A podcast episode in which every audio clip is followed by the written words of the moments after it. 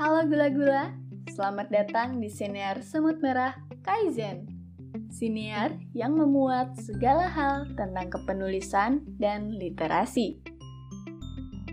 Bulan Februari ini akan dipenuhi dengan berbagai karya cerita dan opini dari para semut bisun fiksi.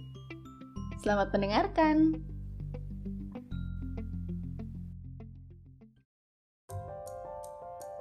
Semut Fiksi bertanya,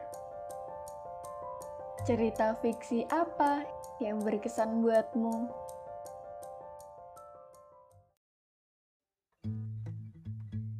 Semut Istianatul menjawab, Novel Sang Pemimpi lagi-lagi menjadi cerita fiksi bagiku yang paling berkesan. Cerita ini ku baca semasa SMP tulisan Andrea Hirata.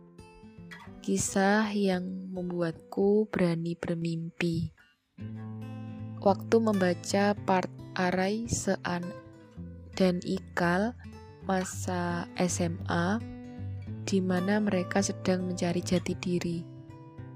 Mereka bingung kenapa harus belajar matematika, fisika yang begitu rumit. Padahal ia belum tahu nanti mau jadi apa atau bahkan mereka pada akhirnya hanya menjadi kuli seperti kebanyakan orang di sekitarnya.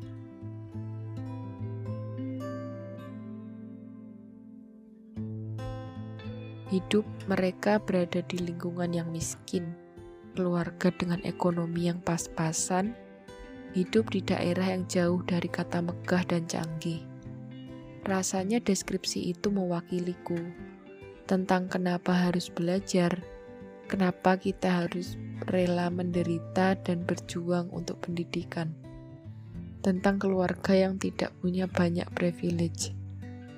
Pendidikan memang tidak mudah, tapi cerita itu memberiku kesan bahwa berani bermimpi dan berani berusaha untuk mewujudkannya adalah sesuatu yang berharga dan berarti kata-katanya yang masih melekat di benakku, bermimpilah karena Tuhan akan memeluk mimpi-mimpi kita. Ya, kata-kata ini jadi inspirasiku untuk berani bermimpi dan yang tidak kalah penting berani mengusahakannya.